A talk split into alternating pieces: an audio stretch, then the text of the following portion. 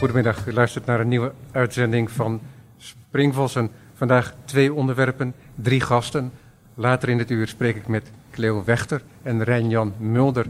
Twee fotografen die bijna een halve eeuw uit elkaar hetzelfde project hebben uitgevoerd. Objectief Nederland heet dat nu. Veranderend landschap 1974-2018. Met Rijn-Jan Mulder sprak ik in 2016, omdat zijn oorspronkelijke project, na jarenlang in een archief te hebben gelegen, uiteindelijk werd getoond bij het Rijksmuseum. En dat past heel mooi in hun project uh, Document Nederland. Dat later in het uur tegenover mij zit nu Thea Derks. Ik ga met haar spreken over haar boek Een os op het dak, moderne muziek naar 1900 in Vogelvlucht. We spraken elkaar al eerder over je biografie, over Van... Reinbert de Leeuw. Je bent uh, muziekpubliciste. Wat dat inhoudt is dat je daarover schrijft, maar je bent ook echt een pleitbezorger voor hedendaagse muziek. Je spreekt veel met componisten, je leidt veel concerten in. Dat gebeurt heel vaak hier heel dichtbij in um, het muziekgebouw. Heet het tegenwoordig en niet meer het muziekgebouw aan het ei. Ik noem het toch altijd nog een muziekgebouw aan het ei. Nou, laten we dat dan volledig doen. Ja, welkom Thea, fijn dat je er bent. En dankjewel voor het mooie, mooie boek. Het is een heel bescheiden boek. Hè? Het beslaat uh, zo'n 100 pagina's. Maar wat daarin gebeurt. We hebben verschillende hoofdstukken. We gaan ook muziektechnisch proberen dingen uit te leggen. Zodat ook ik het begrijp die muzikaal gezien uh, graag uh, luistert en ingevoerd is. Maar technisch weet ik helemaal niets. Ik kan geen noot lezen. En daar steek ik toch heel veel van op. Harmonie, ritme, klankkleur. Maar dan komt er ook nog een hoofdstuk en dat is heel erg ambitieus voor zo'n bescheiden boek. Belangrijke cultuurcentra. En dan komen we langs Wenen, Parijs, Darmstad, Sint-Petersburg, etc. Dat zijn de verplaatsingen eigenlijk van de muziekcentra um, in de loop der tijd. Daar gaan we het ongetwijfeld over hebben. Ik vind het ook heel leuk om het wat specifieker over enkele componisten te hebben. Misschien wel je liefhebbers. Een os op het dak, dat komt van Darius Milo. Wat is dat voor stuk? Le Boeuf sur le Toit heet het in het Frans. Dat betekent dus eigenlijk de os op het dak. Dat is balletmuziek die hij uh, heeft geschreven uh, bij een beetje absurdistisch ballet. Waarin uh, mensen aan een bar zitten en alle gekke dingen gebeuren. Mensen onthoofd worden en zo. En dat was echt in de jaren 20, 1919 was dat eigenlijk. Uh, bedoeld hè, net na de oorlog om de mensen weer een beetje joie de vivre te geven in het leven. Het was een beetje een clubje rondom Erik Satie. Die vonden dat al die ernst van die, van die klassieke muziek, hè, die altijd maar zo heel serieus was, dat die moest worden doorbroken. En dat er ook wat meer vaudeville, meer cabaret, meer uh, ja, schwung in de muziek moest zitten. En dat hoor je dus in die Le Boeuf sur le Toit heel sterk. Daar zit dus jazz in, daar zitten gekke ritmes in, er zitten leuke uh, herkenbare melodietjes in. Het is een beetje, ja, een beetje gekke muziek, maar wel heel vrolijk, heel opgewekt. En er is een themaatje dat keert steeds terug. En waarom heb ik het boek zo genoemd? Uh, omdat ik dacht, ja, wat moet je nou, zo'n boek over 20e eeuwse, 21e eeuwse muziek, hoe noem je dat nou? Nieuwe klankwereld is zo saai. En op een gegeven moment uh, ja, lag je in het spreekwoordelijke bed en dacht ik, nu heb ik hem, één os op het dak. Want uh, in moderne muziek kan je eigenlijk de gekste dingen verwachten, zelfs een os op het dak. En daarom heet het dus ook niet de os op het dak, want het gaat niet over Mio, maar een os op het dak. Zo van in zijn algemeenheid staat die os voor alles wat er in de moderne muziek is gebeurd. Ja, en dat is heel uiteenlopend. Ik weet van, misschien is het volledig apocrief, maar ik, heb, ik weet niet of ik het gelezen of gehoord heb, dat dat stuk van Satie, Trois morceaux en forme de poire, dat dat um, zo getiteld is in reactie op een uitspraak van, um, wie was dat nou? Van een, een criticus. Van een collega-componist, die ja. zei dat zijn, um, Debussy was dat, dat zijn werk misschien uh, wat vorm kon gebruiken. Ja, wat vormeloos was. Ja, toen schreef dus hij meteen... Drie stukken in de vorm van een peer was het antwoord van, uh, ja. van Satie. Humor en kunst. Dat is een merkwaardige combinatie. Niet geheel vreemd aan Satie en kennelijk dus ook niet aan die omgeving. Maar er gebeurden ook hele ernstige zaken in die muziek. Maar zo ernstig zelfs dat de goede gemeente, het publiek, uh, daar de wenkbrauwen bij optrok wat het dan precies te betekenen had. Dat is, er is iets raars hè, met, die, met de moderniteit in de muziek, misschien wel in de kunsten in het algemeen. Is dat het een steeds groter publiek moest bereiken.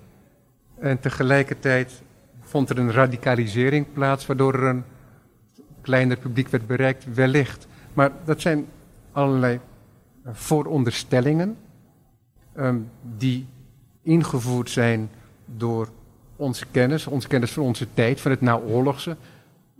En dat is toch heel erg bepaald ook door popcultuur.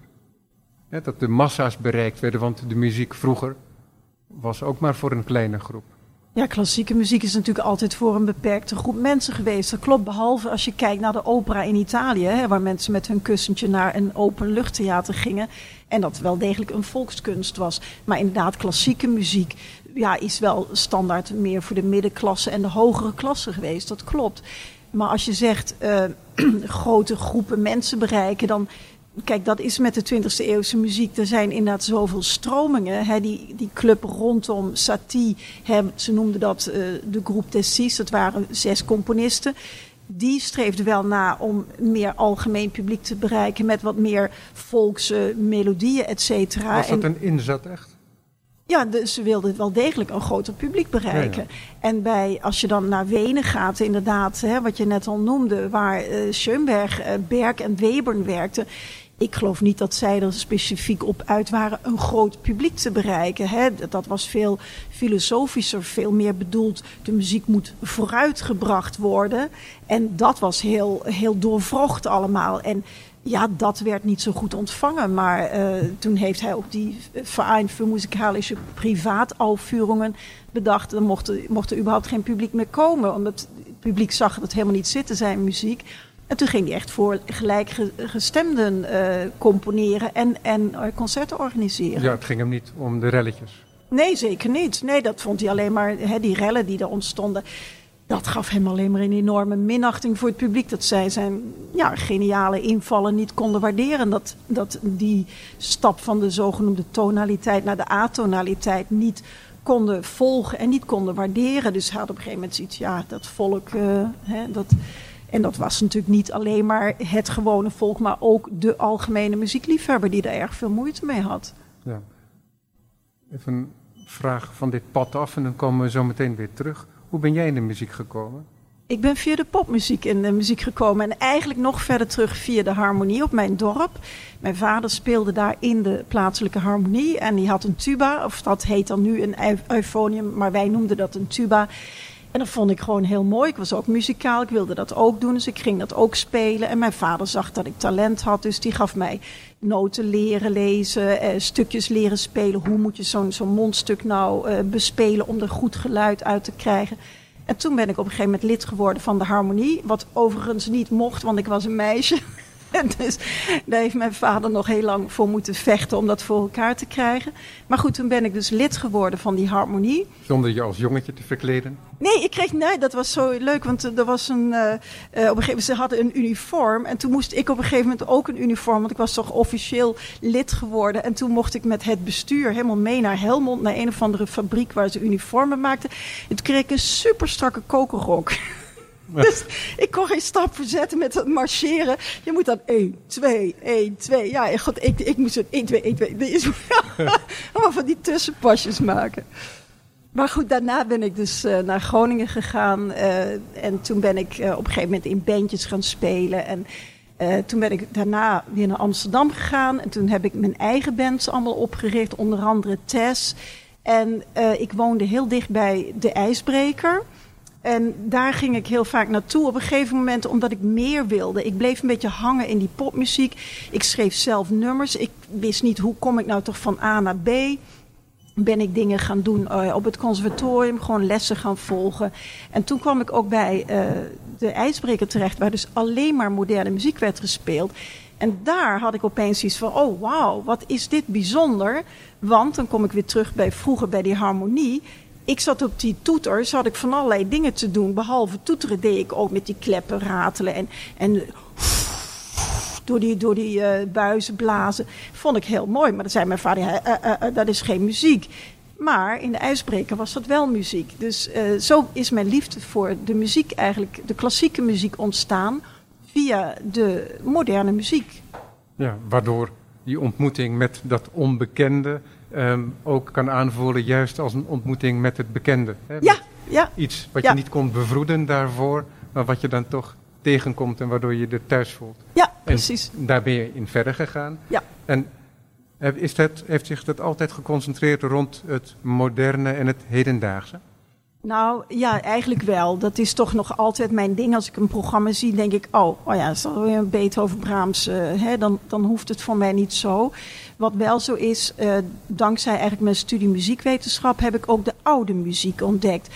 En dat zie je eigenlijk heel vaak, dat uh, als mensen van echt moderne muziek houden, houden ze ook vaak van de oude muziek. Ja. En dat heb ik bij heel veel mensen. Ik heb toevallig. Graag naar Monteverdi. Nou ja, zie je. En, ja. ja. En dat komt eigenlijk doordat um, die tussenperiode, hè, de barok en de klassieke periode, de romantiek ook nog, dat is dan helemaal gekoppeld aan wat we dan de tonaliteit noemen. En mm, ja, dan is, is het voor mij minder spannend. Ja, in hele algemene termen, die tonaliteit. Um, die tonaliteit wat? wat hè? Dat begint te zweven zo in de. Het is dan de term die over het algemeen gebruikt wordt in de 19e eeuw. En dan hebben we mensen als Liszt, die hele gekke, spannende pianomuziek uh, componeert. Dat als je dat nu ook hoort, dat, je, dat het ook heel uh, merkwaardig nog uh, altijd, klinkt, hè? nog altijd heel radicaal is. Ja. En toen was de man, dat was de, de, de late Liszt. Hè, dat ja. is de, de, de speechstil, zoals dat dan in de kunstgeschiedenis Klopt. heet. En wat daarmee toch altijd gebeurt met die late stijlen, is dat het op het moment dat het in de wereld komt, wat er vaak over wordt gezegd, zo van nu is de man het echt kwijt. Dat werd ook gezegd over de late fantastische schilderijen, vinden wij nu, van Picasso bijvoorbeeld. Ja, Wagner, hè, de schoonzoon van Lies, die had het over kiemende waanzin. Hij vond dat uh, Lies er onmiddellijk mee moest stoppen, dat hij helemaal van het padje was. Ja. Terwijl Wagner zelf eigenlijk ook uh, eigenlijk, uh, ja, heel erg met die tonaliteit aan het ja. spelen was. Maar zelfs die kon de late Liszt eigenlijk niet meer volgen. Ja, en het geldt eigenlijk al eerder voor Beethoven met zijn late strijkkwartetten. Ja. Dat, er, uh, dat je daarna zit te luisteren en dat je opeens denkt, wat gebeurt hier in godsnaam? Ja. En um, zonder dat ik dan weet wat er gebeurt, maar ik hoor wel dat er iets gebeurt wat ongebruikelijk is. En dat geldt dus nog altijd, dus ik kan me voorstellen dat het destijds moet ingeslagen hebben voor dat beperkte publiek wat er dan was. En uiteindelijk wordt die tonaliteit die begint eh, zo te zweven dat die op losse voeten komt te staan. Dus de klassieke waarden, principes, dat zien we ook in de schilderkunsten en in andere kunsten, die worden losgelaten. Sommige mensen richten zich dan tot een subjectieve expressie. Um, daar kan je alle kanten mee op.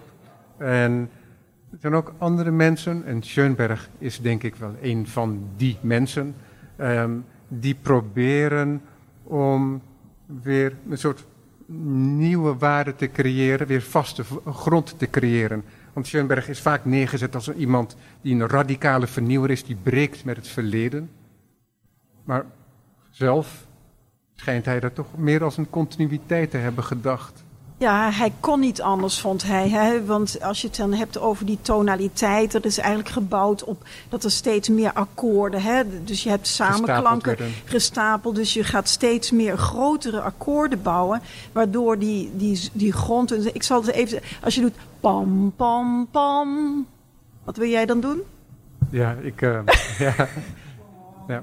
Pam, precies. Je wilt terug naar wat we dan noemen de grondtoon. Ja. Nou, al die andere tonen die zitten in een bepaalde relatie tot die grondtoon. En je, je bouwt die muziek op uit akkoorden. Dus een, de, iedere keer pak je de onregelmatige toon. Dus 1, 3, 5, 7, et cetera. Hoe meer je stapelt, hoe onduidelijker wordt waar die grondtoon zit. Nou, en dat, dat is spannend voor het gehoor? Heel spannend voor het gehoor. Maar dan heb je Wagner natuurlijk. Hè. Ze zeggen altijd Wagneriaans, dus grootse bouwwerken. Het, het, gaat allemaal zweven, schuiven. En zo is ook uh, begonnen. Hè. Nog niet zo heel lang geleden zijn hier zijn Gurelieder uitgevoerd. Dat is ook zo'n bouwwerk wat, wat heel groot is en heel meeslepend.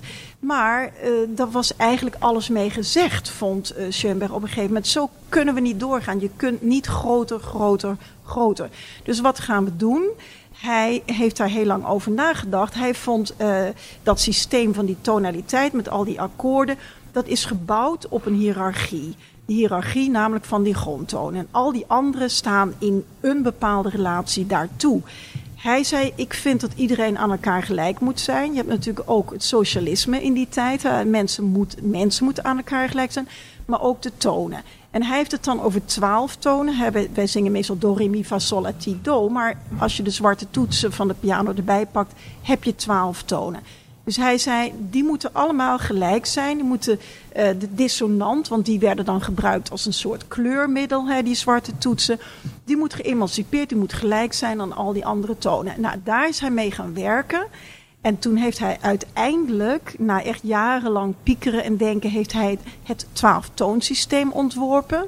En dat was voor hem een nieuw fundament inderdaad, waarvan hij hoopte dat iedereen dat zou overnemen. En hij zei ook van, ik heb de hegemonie van de Duitse manier voor de, van, de, van het Duitse componeren voor de komende honderd jaar in ieder geval vastgelegd. Was ja. niet helemaal waar, maar goed, uh, dat maar was de wel. grote ambitie Was is daar er. wel mee uitgesproken. Klopt. Ja. De manier waarop die muziek werd ingericht, dat wordt vaak gelezen als een soort natuurstaat. En um, alsof het niet anders kan zijn.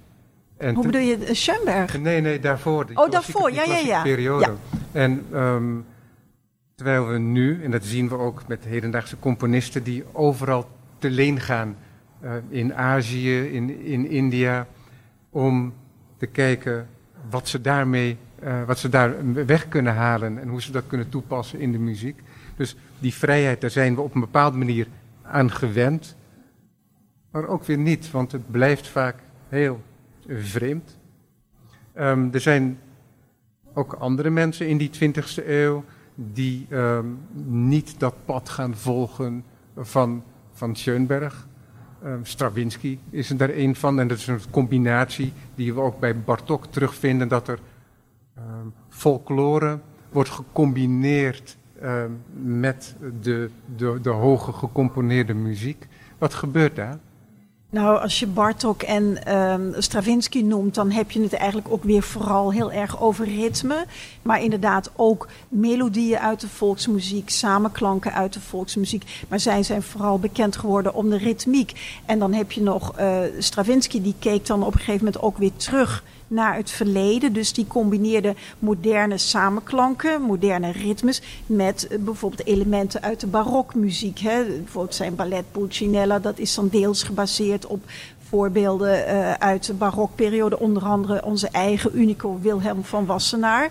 Daar smeedde hij dan nieuwe dingen mee. En in zijn vroege werk gebruikt hij inderdaad heel veel folklore uit de Russische uh, folklore. Neem bijvoorbeeld uh, de Lenos, hè, de boerenbruiloft. Als je dat legt naast opnames, originele opnames van boerenbruiloften, dan zijn vaak letterlijk dezelfde melodieën. Of in ieder geval heel dicht komen ze daarbij. En Bartok trok natuurlijk door Hongarije en um, wat was het, uh, dat land daarnaast? Um, Hongarije en... Hongarije, Roemenië. Ja, Bulgarije. Roemenië, precies. Um, om daar echt vanuit het volk zelf de liederen te laten zingen. Die tekende hij op en dan gebruikte hij inderdaad dezelfde intervalstructuren, dezelfde akkoordstructuren. En, heel kenmerkend, de onregelmatige ritmiek. Want wij in het Westen, zeg maar West-Europa, zijn gewend aan de, dat je telt van 1, 2, 3, 2, 2, 3, zoiets. Of 1, 2, 2, 2, 3, 2. Hè? Zij, als zij een driekwartsmaat doen, dan doen zij 1, 2, 3, 1, 2, 3. Bijvoorbeeld, ze maken die la, la, laatste tel wat langer. En dat is voor ons heel moeilijk. En waar, wat deed Bartok dan? Die ging dat noteren. En dan noteerde hij zo'n ritme niet in drie kwart, maar in achtste. Dus dan had je uh, ta ta ta ta ta ta tam, ta ta ta ta ta ta tam. Dus dan schreef hij een, een extra achtste voor die derde tel. Terwijl dat in hun gebied is, spreekt dat voor die mensen gewoon voor zich. Dat dat langer, wat, wat langer duurt. Maar wij moesten dat eh, met hele kleine nootjes uh, gaan leren begrijpen. En, en, en echt uitdrukken. ja, ja, ja, ja, ja. Hij moest het expliciteren. Ja. ja. ja.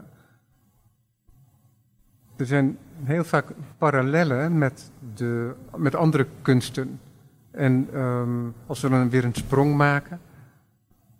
Ik heb eerder uitzendingen gemaakt met John Snijders over bijvoorbeeld Morten Veldman. Van het nieuwe ensemble Slagwerker. Ja. ja. Mm -hmm. En um, hij is nu een groot stuk aan het schrijven over de grafische partituren van Morten Veldman. Dus partituren die niet gerangschikt zijn langs de lijntjes en op de klassieke manier. Maar na die Tweede Wereldoorlog zie je dat er weer um, een grotere vrijheid wordt gezocht. En ook een vrijheid wordt gegeven, waarschijnlijk heel beperkt is ook, maar soms ook heel groot, uh, voor de uitvoerder. Ik herinner me dat ik ooit een stuk bijwoonde, gespeeld door Nora Mulder, archipel mm -hmm. van uh, Boegorelief. Um, en waarbij er een bijna een vierkante meter partituur op de piano stond. En dan kon zij zelf bepalen hoe zij over de um, wolkennoten, uh, hoe zij die verbond, hoe zij de archipel doorreisde als het ware, waardoor er iedere keer een ander stuk ontstond. Iets wat ook in de literatuur gebeurt met Julio Cortázar, die in La Rayuela, het hinkelspel, ook um, de vrijheid geeft aan de lezer om de hoofdstukken langs verschillende um, paden te bewandelen. En, um, maar is dat, gebeurt daar wezenlijk iets nieuws? Door die keuzevrijheid, ja, dat zou ik wel zeggen. Ja, want uh, in de loop der tijden is eigenlijk de muziek steeds uh, ge, meer geformaliseerd geraakt. Kijk, als je teruggaat naar het Gregoriaans, waar eigenlijk onze muziek uit voortkomt, dan waren dat frasen die de zangers zelf met de lengte van hun adem bepaalden. Dus het ritme was eigenlijk niet vastgelegd, maar ze zongen met elkaar mee. Uh, dan krijg je op een gegeven moment genoteerde muziek. Dus de, eerst gaat het met kriebeltjes en dan worden er echt notenwaarden toegekend. Uh, en dus het wordt steeds verder geformaliseerd tot en met uh, de 19e en de 20e eeuw sterk aan toe. En als je het dan hebt over na de Tweede Wereldoorlog, dan eerst wordt het nog sterker geformaliseerd door bijvoorbeeld mensen als Karl-Heinz Stockhausen en Paul Boulez. Pierre. Pierre Boulez. Uh, die heel erg voortborduren op de, de vondsten van Schoenberg. En dan is het zwaar, zwaar genoteerd wat er gebeurt. En dan krijg je eigenlijk John Cage in Amerika die zegt: Ja, maar jongens, uh, dit gaat allemaal veel te ver. Laten we ook weer eens een beetje wat vrijheid incorporeren. En dan krijg je inderdaad grafische partituren. Hè, dat mensen soms ook alleen maar een tekening hebben en die moeten ze dan zelf invullen. Dan is dus elk stuk compleet anders. Dus dat is een reactie eigenlijk op het overgeformaliseerde. Ja, en Cage, over wie Schoenberg volgens mij gezegd heeft... er is geen componist, maar een uitvinder. Ja, dat klopt. Ja, ja, ja. ja Cage heeft een tijdje bij uh, Schoenberg gestudeerd... maar dat was niet zo'n heel ja. groot succes. En Schoenberg die gaf dan ook echt uh, klassieke contrapuntles, ja. heb ik begrepen. Ja, ja, ja. Voordat hij die twaalftoonsmuziek ontwikkelde... heeft hij ook een boek geschreven, Harmonie leren. Hij kende die harmonieleer tot op de bot, tot op het laatste puntje. Dus hij was zeer uh, onderlegd... Dus het was echt uh, ook niet zomaar dat hij die tonaliteit kon verlaten. Hij wist precies hoe het moest. Ja, ja, ja dus er was een mate van continuïteit.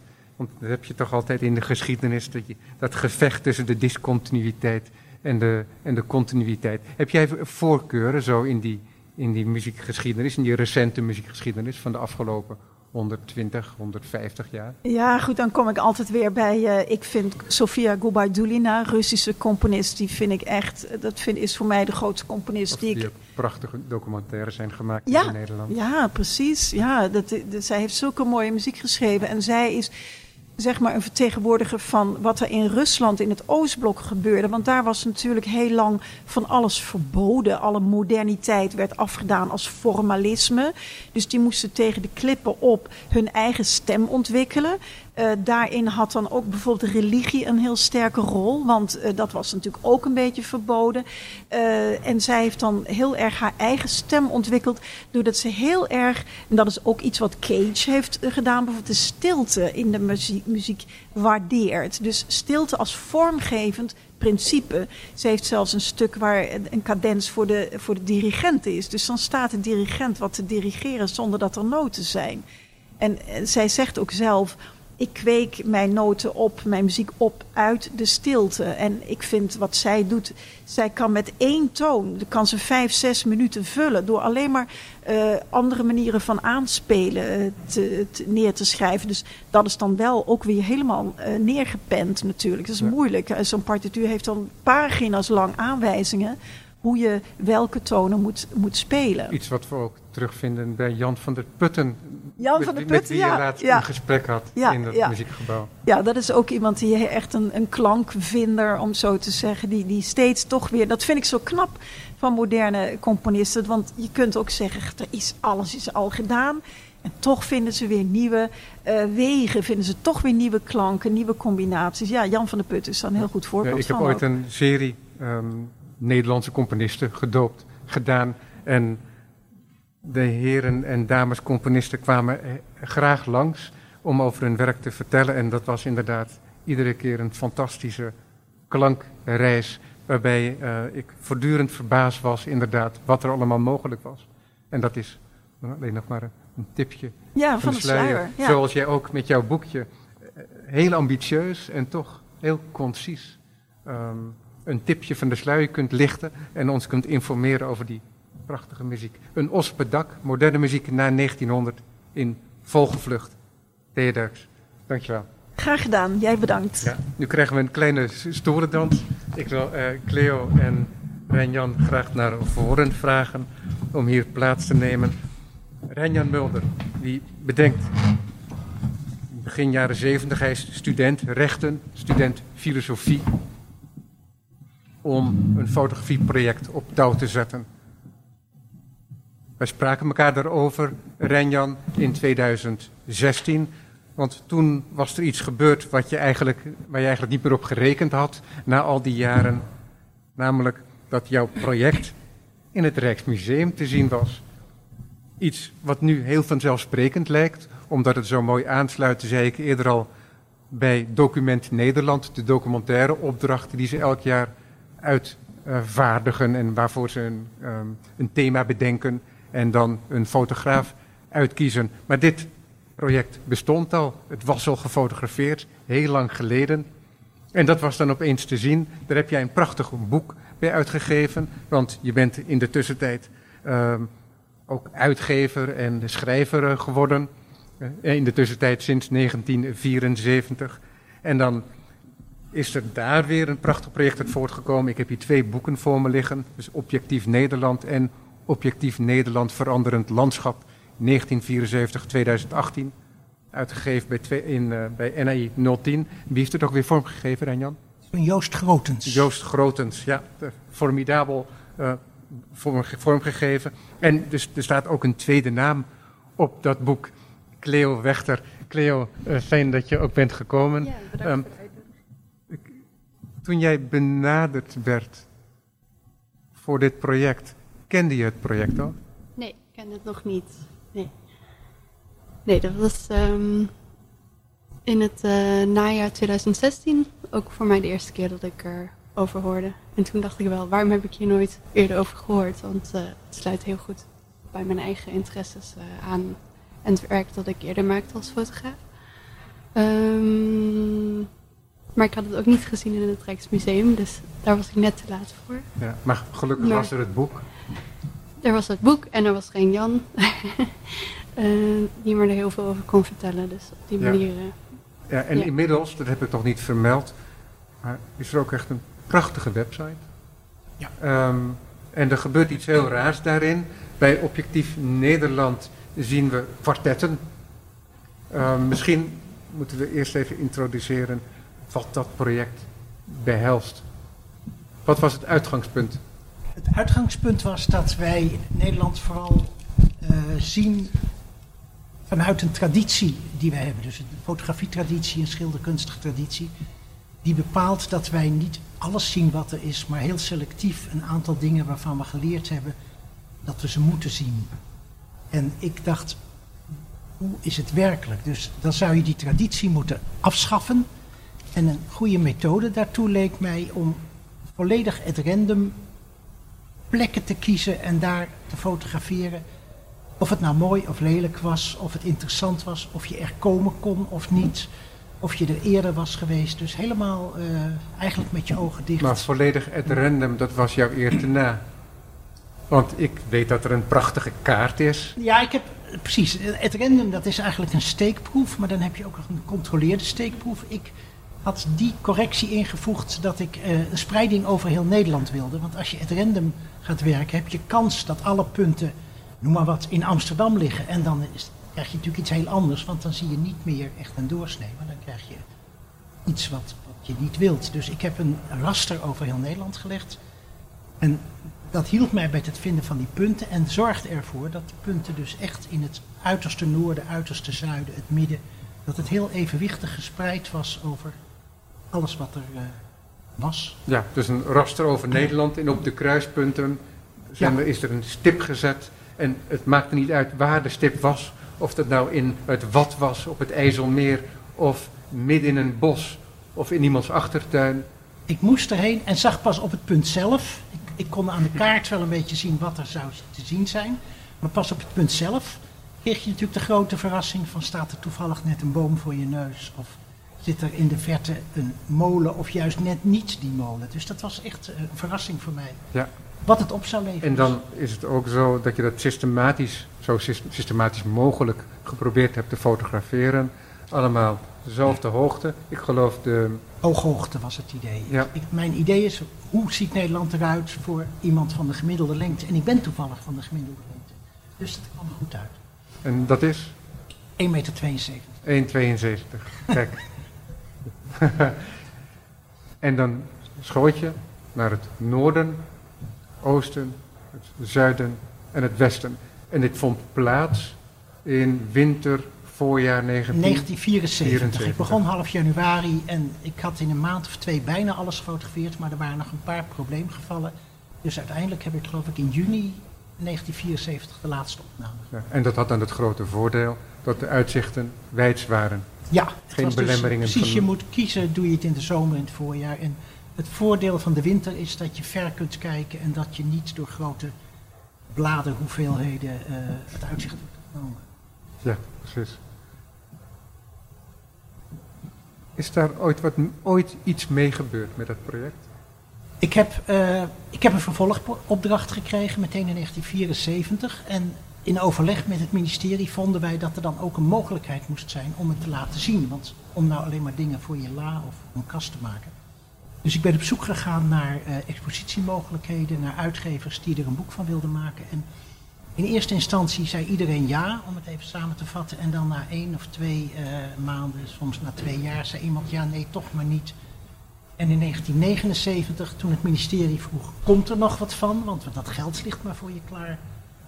Toen zei ik nou, ik zie het nog niet gebeuren, maar ooit zal het afkomen. Maar toen is de opdracht dus ingetrokken en heb ik uh, eigenlijk 40 jaar moeten wachten tot het Rijksmuseum ineens zag, nee, dit is leuk en we gaan er een tentoonstelling. Maar heb jij het aangeboden bij het Rijksmuseum? Ik heb het, ja, ik heb het als, uh, hoe noem je dat, als object aangeboden voor de collectie. Want ik dacht, ja, dit is een nationaal Nederlands project. Het Rijksmuseum gaat over heel Nederland, wil nadrukkelijk ook vooral niet alleen de Randstad doen, maar ook alle buitenhoeken. Dus ik vond het daar wel passen. Ja. Bovendien heeft het Rijksmuseum sinds kort en de 20e eeuw in zijn collectie en een grote fotografiecollectie. Dus alles bij elkaar dacht ik, het zou wel eens kunnen dat ze het willen hebben. Ja, over twee weken opent er weer een grote tentoonstelling in het Rijksmuseum. Cleo, je zei net, ja, het sluit ook wel aan bij mijn eigen werk, dit project. Op wat voor manier? Um, nou, ik ben als fotograaf eigenlijk um, zelf altijd al bezig geweest met het landschap. ben ook afgestudeerd met een project over het Nederlandse Mag ik je landschap. vragen om eh, ietsje dichter bij de microfoon Ja, te zitten? sorry. Eh, komt het geluid wat beter over. Ehm, ben ook afges- afgestudeerd met een project over. Ja, werkt het? Ehm, over het Anthropocene in Nederland en over de geologie van Nederland. Dus ik zat al heel erg in de grond. Eh, daarnaast probeer probeerde ik eigenlijk ook altijd een soort methode voor mezelf te ontwikkelen om dat landschap te gaan onderzoeken. En ik was ook, haalde ook veel inspiratie uit de wetenschap. Dus voorheen dan uit de geologie of uit de eh, archeologie. En ehm, probeerde ook op een schematische manier te werken. Dus ik heb bijvoorbeeld een project gedaan dat ehm, over een stadsgrens ging, waarbij ik precies de grens op de kaart van de stad heb gevolgd. Dus op die manier was ik eigenlijk best wel geïntri- geïnteresseerd en geïntrigeerd door Renjans eh, eh, doorzettingsvermogen en ja, En door idee- consistentie. Ja, en door het idee dat je eh laat Die leiden door een- iets door op de een kaart. concept. Ja. En niet door waar jouw oog opvalt. Ja, om dat vervolgens vast te leggen. Ja. ja. En dan is het nog zo, dan word je daarvoor benaderd. Dacht je meteen, dit moet ik doen? Ja, Kijk, ja. Eh, ik dacht gelijk, moet ik doen? Ik dacht wel, hoe ga ik dat doen? Ik heb geen rijbewijs. maar je, je wist in ieder geval dat het al gedaan was en dat het mogelijk was. Klopt. En Rayan heeft het destijds ook zonder auto gedaan. Dus ik dacht, nou, het is me tot nu toe ook gelukt. Gelukkig is Nederland eh, niet zo groot. En dat heeft zichzelf ook weer uitgewezen dat het dus ook haalbaar is. Ik heb het herhaald ehm, begin 2017. Dus ook ongeveer op dezelfde dag begonnen als Rayan. Volgens mij 10 januari uit mijn hoofd. En eh, op 2 april, 4 april de laatste beelden gemaakt. Ja. Ja. En zoveel mogelijk geprobeerd om het op dezelfde dag te doen. Maar op een gegeven moment Eh, ja, ben in dezelfde, iets van afgestapt. in dezelfde periode. Ik heb Ja. nooit de, de intentie gehad om één op één dezelfde dag te fotograferen. Want ik had namelijk ehm, het grote verschil met Rayan dat ik dus was gevraagd om een herfotografieproject te maken. Eh, en Rayan ehm, kon heel veel ook eigenlijk aan een toeval overlaten en zette zijn statief neer, pakte er een notitieboekje bij, schreef het is nu zo laat, maakte vier foto's zonder te kijken. En ik moest juist heel erg in dat landschap gaan staan puzzelen. Dus op dagen Dus dat jij, het... jij had dat objectief Nederland, dat boek, dat eerste boek, dat had jij bij je waarschijnlijk. Ja, ik had ook de, en ik had ook verschillende opnames van de foto's zelf. Ehm, uitgeprint groter bij me. Ja. Dus eh, ook het, ja, en ook het boek. Ehm, en de kaarten. De oude kaarten, of zeg maar details van de oude kaarten van Ranjan, zodat ik kon zien waar hij had gestaan. Dat had ik voorheen al in Google Maps ingevoerd. dat ik eh, altijd de weg kon vinden. Maar eh, ook een nieuwe kaart, want de kaarten worden nog op precies dezelfde manier gemaakt.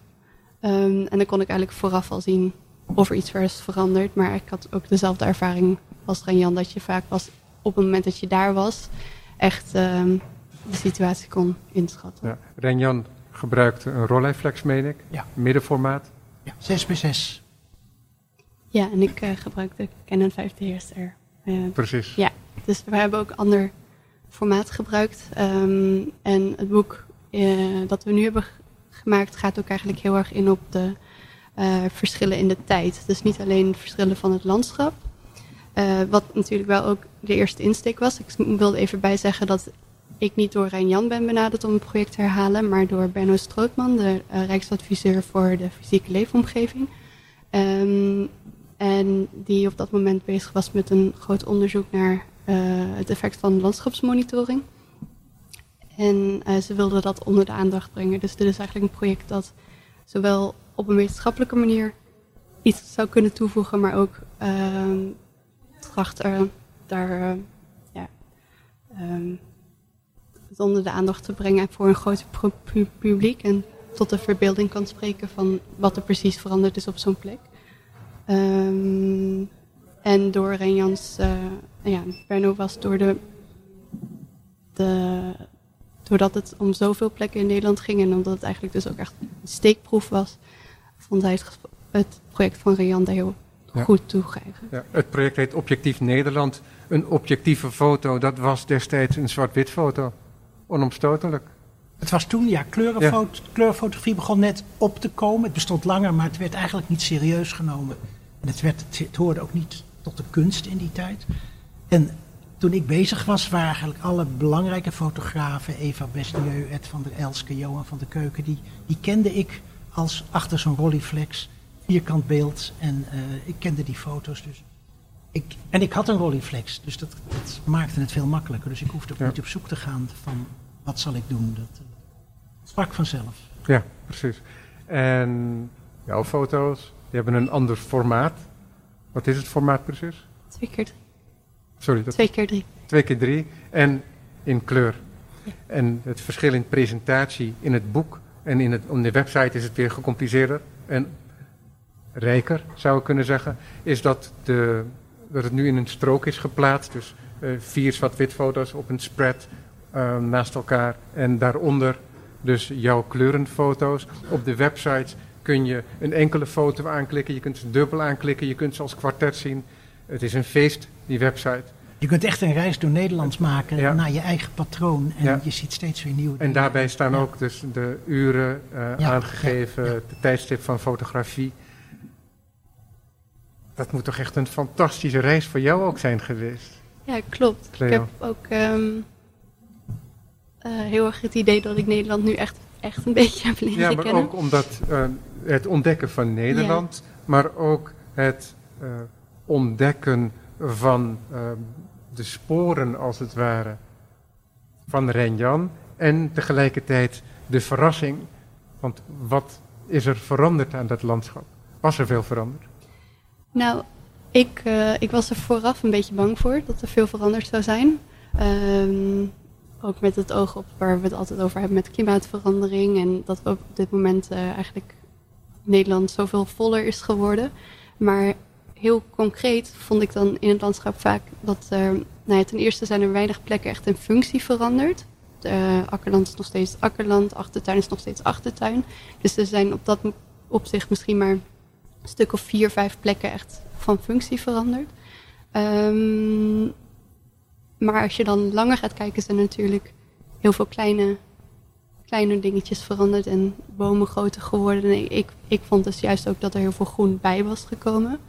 Maar um, dat, dat, dat geeft dan wel gelijk ook weer even de, de zwakte van fotografie aan. Want het is niet dus wat het lijkt. Dus als wij kijken naar gras, dan weten we bijvoorbeeld niet dat het een, um, een gras is die niet goed is voor de biodiversiteit. Waar, uh, waar vroeger misschien meer vogels waren dat, die er nu niet meer zijn.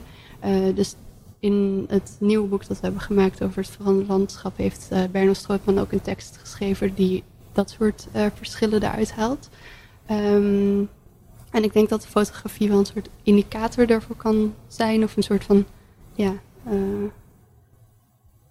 een, uh, ja, een uithangbord. En dat je er, maar er eigenlijk een uitnodiging om er op die manier meer over te, ja. te leren. Het is wel gek, hè, want het, um, het kijken naar het beeld echt, dat begint eigenlijk achteraf, hè? Want jij bent aan het kijken naar het beeld van Renjan. En dat probeer je te benaderen. Soms kan je dat helemaal niet doen. Ik heb nu toevallig openslaan een pagina bij Kattendijken. Dat is plaat, Zeeland, plaat 39 in Zeeland. En dat was eerst een boomgaard. En ik zie een kerk. En jij staat in een achtertuin, achtertuin in een nieuwbouwwijk.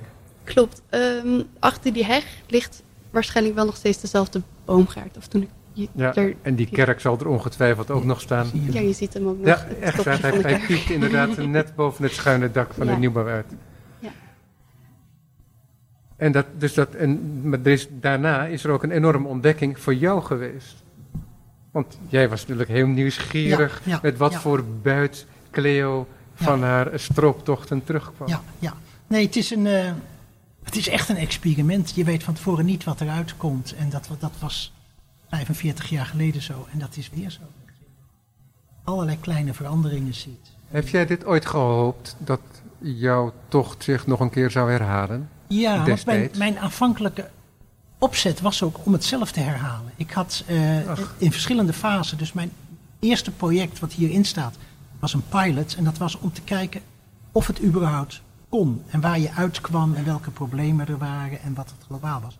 Mijn Was dat iets wat je aantrok of iets wat je maar accepteerde en overkwam? Het was de eerste stap. Dat had ik bewust gekozen. En ik dacht, daarna ga ik een tijdsfactor inbrengen. En dan ga ik dus zien in hoeverre en het in de jaren verandert, maar ook hoe het in de seizoenen verandert. Dus het leek mij leuk om, zal maar zeggen, eh, elke vijf maanden terug te gaan. Zodat je na tien jaar alle maanden en alle dagen hebt gehad. En je dus echt een Jan Dippers maakte het zichzelf gemakkelijker, hè? Die- die lette helemaal die niet koos één uitzicht. Ja. Of eh, die koos eh, de muur van zijn atelier. en dan liet ja, hij precies, Jan de- het, verloop van het licht in een dag zien. Ik noem die vijf eilanden. Hij ging daar gewoon heen en dacht, oh dit is leuk en maakte een foto of bedacht het van tevoren. Maar hij zei niet precies waar hij moest gaan staan en hoe laat het moest zijn. Dus Ja. hij werkte veel eh, Intuïtiever. intuïtiever. En Ja. ik wilde het ook controleerbaar maken. En ik wilde ook, ja, ik had echt een, een wetenschappelijk idee van ik wil laten zien zoals het is. Dat is denk ik niet Jan Dibbets inzet. Ja. ja. Even een vraag aan, aan, aan Thea Derks die naast jou zit. Bestaat er zoiets in de muziek, zo, dat het zo, zo met zo'n conceptueel uitgangspunt, Conceptuele uitgangspunten zijn er heel veel. maar, zo, maar zo strikt ook zoals Rijn Jansen opzet voor dit project? nu even, ik zou het niet zeggen. Ja, Messiaen, maar dat is toch niet dat je zo'n uitgangspunt... Ja, goed, eh, Wat is dat voor project? stuk van eh, ehm, Olivier Messiaen, die stond dan zogenoemd aan, het, eh, aan de oorsprong van de seriële muziek. Dus die borduurde nog verder voort op eh Schoenberg. Dus niet alleen de twaalf tonen zette hij in een, in een reeks waar hij mee ging componeren. Maar ook die toon had dan een bepaalde lengte, een bepaalde luidheid, dat soort dingen. Dat is ehm, een mode de valeur et d'intensité. Dus een, een modus van eh sterktes en En, en dichtheid. en dichtheid, dus dat is wel inderdaad een, een conceptueel onderzoek geweest. Hij heeft dat snel verlaten, maar de andere componisten zijn daarop voort gaan borduren. Dus dat is inderdaad eh, wel. En, en werkt dat in de muziek? Nou ja, daar zijn dus eh, de meningen nogal over verdeeld. Kijk, je hebt een stuk van John Cage, ehm, Music of Changes is dat voor piano solo. Daar gooide hij met dobbelstenen die, eh, of munten en dat relateerde hij aan de I Ching. En dan op basis van de uitkomst bepaalde hij de toonduur, de toonlengte, de toonhoogte, et cetera. En dat bleek dan eigenlijk heel erg te lijken op die super van tevoren doorgedachte eh, muziek die Pierre Boulez en Karl-Heinz Stockhausen Dat is maakten. heel Dus- mooi. Dat is ja. heel mooi dat je dat zegt, want ik sprak onlangs ehm, in een ander verband met Lon Pennock, de beeldhouwer, die nu een tentoonstelling heeft bij Galerie Sleeuwen.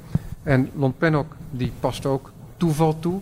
En hij deed daar de uitspraak, ja het mooie is van toeval, het geeft niet mee. En dat is net hetzelfde als een hard concept. In principe geeft het niet mee als je je aan je concept houdt. Renjan. Nee, en ik denk, ik denk dat er in de muziek, eh, ja, jij weet dat veel beter, veel meer van dit soort experimenten zijn gedaan dan in de beeldende kunst. Want daar zijn natuurlijk met allerlei wiskundige berekeningen en met afstanden, 12, hein- 12 toonstelsels is natuurlijk ook al een loslaten van een traditie van twee eeuwen of zoiets. Ja. En Een, ja, op een, diezelfde een- een manier wilde traditie ik- die zelf ook al Ja, losliet bij de zomer, natuurlijk. Ja, Ja, maar hadden- ik, ik, ik vraag, stel deze vraag omdat, we, omdat ik het zojuist in het gesprek met Thea ook had over par- parallellen met andere kunsten. ja, Eh. Morten Veldman die zich laat inspireren door de abstract expressionisten en, en dat soort Ja, zaken. Mond- Mondriaan was natuurlijk iemand ook die heel erg Ja. de, de beeldopbouw Ja. analyseerde en daar dan weer Ja. nieuwe vormen voor. Hoe was dat bij jou? Waar kwam jij vandaan toen jij dit Mijn, bedacht? mijn opzet, ik, ik was, eh, wat gezegd, ik had filosofie gestudeerd een paar jaar, ben toen overgestapt op rechten, maar mijn belangstelling was nog steeds filosofie, maar ook beeldende kunst. Ik was vanaf jongs af aan erg met beeldende kunst bezig. En eh, dus de opbouw, de, de kadrering, waarom je eh, iets in het midden zet, waarom je iets vierkant maakt, of, of rechthoekig of staand, waar je afsnijdt of je diepte brengt, dat vond ik allemaal vragen waar, dat, waarvan ik dacht, waarom doe je dat? En kan het ook anders? En ik dacht, de enige manier om dat uit te vinden is om een keer een, ja, wat ik noem een nulpunt van het kijken te hebben. Dus Ja. al die eh, opvattingen over wat mooi is los te laten en te gaan schuiven met, met al die vaste... Het is mooi dat je een nulpunt van het kijkend gebruikt, want dan moet ik denken aan de, eh, de, de nulgraad in de literatuur van Roland Barthes, Ja, ja, de Franse schrijver, ja, denker. Ik zou hem niet direct filosoof willen noemen. En wat er in het naoorlogse gebeurt, dat er allerlei auteurs zijn de, de nieuwe realisten, ehm, die, eh, de nouveau romanciers, die proberen om een soort objectieve, objectiverende romans te schrijven, waarbij ehm, emotie en gevoelens zijn.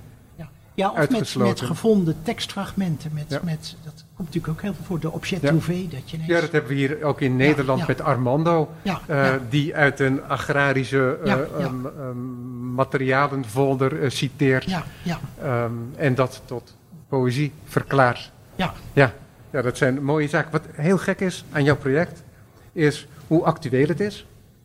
Hè, ik zie het niet als een historisch project, maar zo kun je het ook zien. Dus, en het is een historisch project. ja. Het is inderdaad een soort eh, ehm, eh, geografisch eh, ehm, onderzoek, zou je kunnen zeggen, geworden. Ja. Hè? Is bijna buiten jouw handelen om, omdat het ook opgepakt wordt door andere mensen. ja. Wat ook heel prettig is natuurlijk. En het is niet zo dat je ehm, een historische reis maakt. Het, is, het beeld is nog steeds helemaal overeind en Ja, actueel ja, gebleven. Ja, en achteraf krijgt het dus een hele andere betekenis. Dat is natuurlijk het aardige. Dat. Zoals je er nu naar kijkt en wat je er nu mee doet en kunt doen, dat is iets heel anders dan wat het in 1974 was.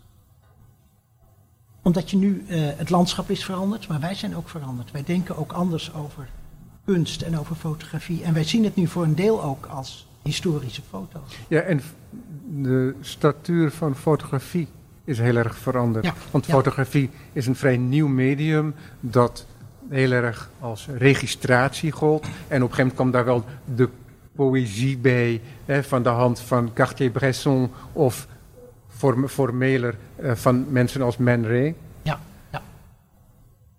Maar het was in Nederland met name, met Johan van der Keuken, Ed van der Elske onder andere, dat er een hele belangrijke ehm, documentaire ehm, karakter, dat het heel lang een documentaire Ja, karakter ja, ja. behield. Met, een- met een nadruk op de instelling van de fotograaf en, en zijn selectie en zijn emoties. Terwijl ik probeerde, en of dat lukt weet je niet, om dat uit te schakelen en juist op de methode. Voor mij was de, de methode revolutionair, maar niet de, het gezichtspunt. Waarbij je bijna vooruit lijkt te lopen op wat er vervolgens in de fotografie gebeurt, omdat fotografie zich gaat emanciperen. ehm, en om dat mogelijk te maken, om geaccepteerd te kunnen worden als een volwaardige kunst, zijn fotografen heel vaak bezig om een gedegen concept Ja, te formuleren. Ja, ja ook volgens mij na die tijd is ook het hele gebruik van sequenties opgekomen. Ja, misschien had je het in die tijd ook al, maar nu is het, het vervangen van één foto door een serie foto's veel gebruikelijker, naar mijn idee, dan toen. En dat dus die vier foto's met elkaar te maken hebben en dat de perspectieven en ook de beelden in zekere zin terugkomen, omdat je op 180 graden draait en precies de achterkant laat zien. Ja. Dat zijn allemaal dingen die nu vrij normaal zijn. En Ja. toen, toen ging het veel meer om dat ene beeld. Ja, je had de Beggers natuurlijk die dat deden met ja. het industrieel erfgoed, die toch ook heel nauwkeurig, daar ben jij mee opgevoed, Cleo, hè, op school, Klopt, onder andere. eh, denk ik. Ik heb onder andere veel over de Bergers geleerd, maar niet alleen. Ik denk dat. ehm, wat zij doen is natuurlijk een typologie maken. Ja. Ehm, dat heeft Renjan hier ook gedaan. Ik wilde er nog even iets over toevoegen. Om, want je zegt dat de beelden van Renjan zo mooi zijn blijven overeind zijn blijven staan. Of de, ehm, nog steeds heel Ja. actueel zijn. Maar dat is ook wel grappig. Want ik denk dus dat ze voor veel mensen ook een stuk mooier zijn geworden. Omdat er ook nog het aspect van nostalgie bij is komen kijken. Waar Merel Bem ook over schrijft in Ja. het boek. Ehm, dus eigenlijk zijn ze op, ja, op die manier ook alleen maar meer gerijpt. Ja, ik kan Ja. je wel gaan toevoegen. Wat we hebben gedaan nu, er is een tentoonstelling in Kasteel Groeneveld in Baren. En daarvoor hebben we een aantal van deze foto's een flink stuk groter gemaakt. Dus zeker groter dan in het boek, maar ook groter dan ze toen in het Rijksmuseum hangen. Dus nu zie ik ineens die foto's heel anders dan ik ze toen zag. Omdat ze nu, zijn ze, 40 bij 40 of zo. Ze zijn ineens, het zijn andere foto's geworden. Ja. En je ziet ineens veel meer details ook. Maar van toen ja, zag je af en toe iets kleins. En nu wordt dat ineens uitvergroot en ligt het op.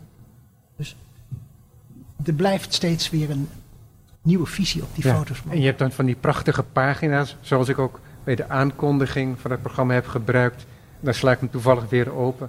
Plaat nummer 50, Wierum, 7 april 2017 om 8 over 1 en 19 maart 1974 om 3 minuten over 11. En we zien in vier windrichtingen het wat. Maar steeds met een andere. Kijk, de golfslag van, van. Het is app, maar je ziet overal die lijntjes van de golf. En dat is zo grappig, dat die dus op alle vier weer terugkomt en, en juist loodrecht staat. En dat ook het licht varieert. Dus er zit echt een, een mooie ritme in die vier. En dat zien wij nu pas waarschijnlijk. Ik uh, spreek een gelukkig man, denk ik. Toch? Ja hoor, ik ben heel tevreden. Renjan Mulder, hartelijk dank. Cleo Wechter, ook hartelijk dank. En dit prachtig project is dus op internet te zien, maar kijk ook vooral naar het boek. Verschenen bij NAI 010, Objectief Nederland, Veranderend Landschap 1974-2018 van Cleo Wechter en Renjan Mulder. En eerder dit uur, en u hoorde er zojuist ook nog even Thea Derks. Met haar sprak ik over haar boek Een Ospendak, moderne muziek na 1900 in de vogelvlucht. Ook terug te vinden op de website van Thea. Dank voor het luisteren en ik dank Anneminke van der Velde voor de techniek.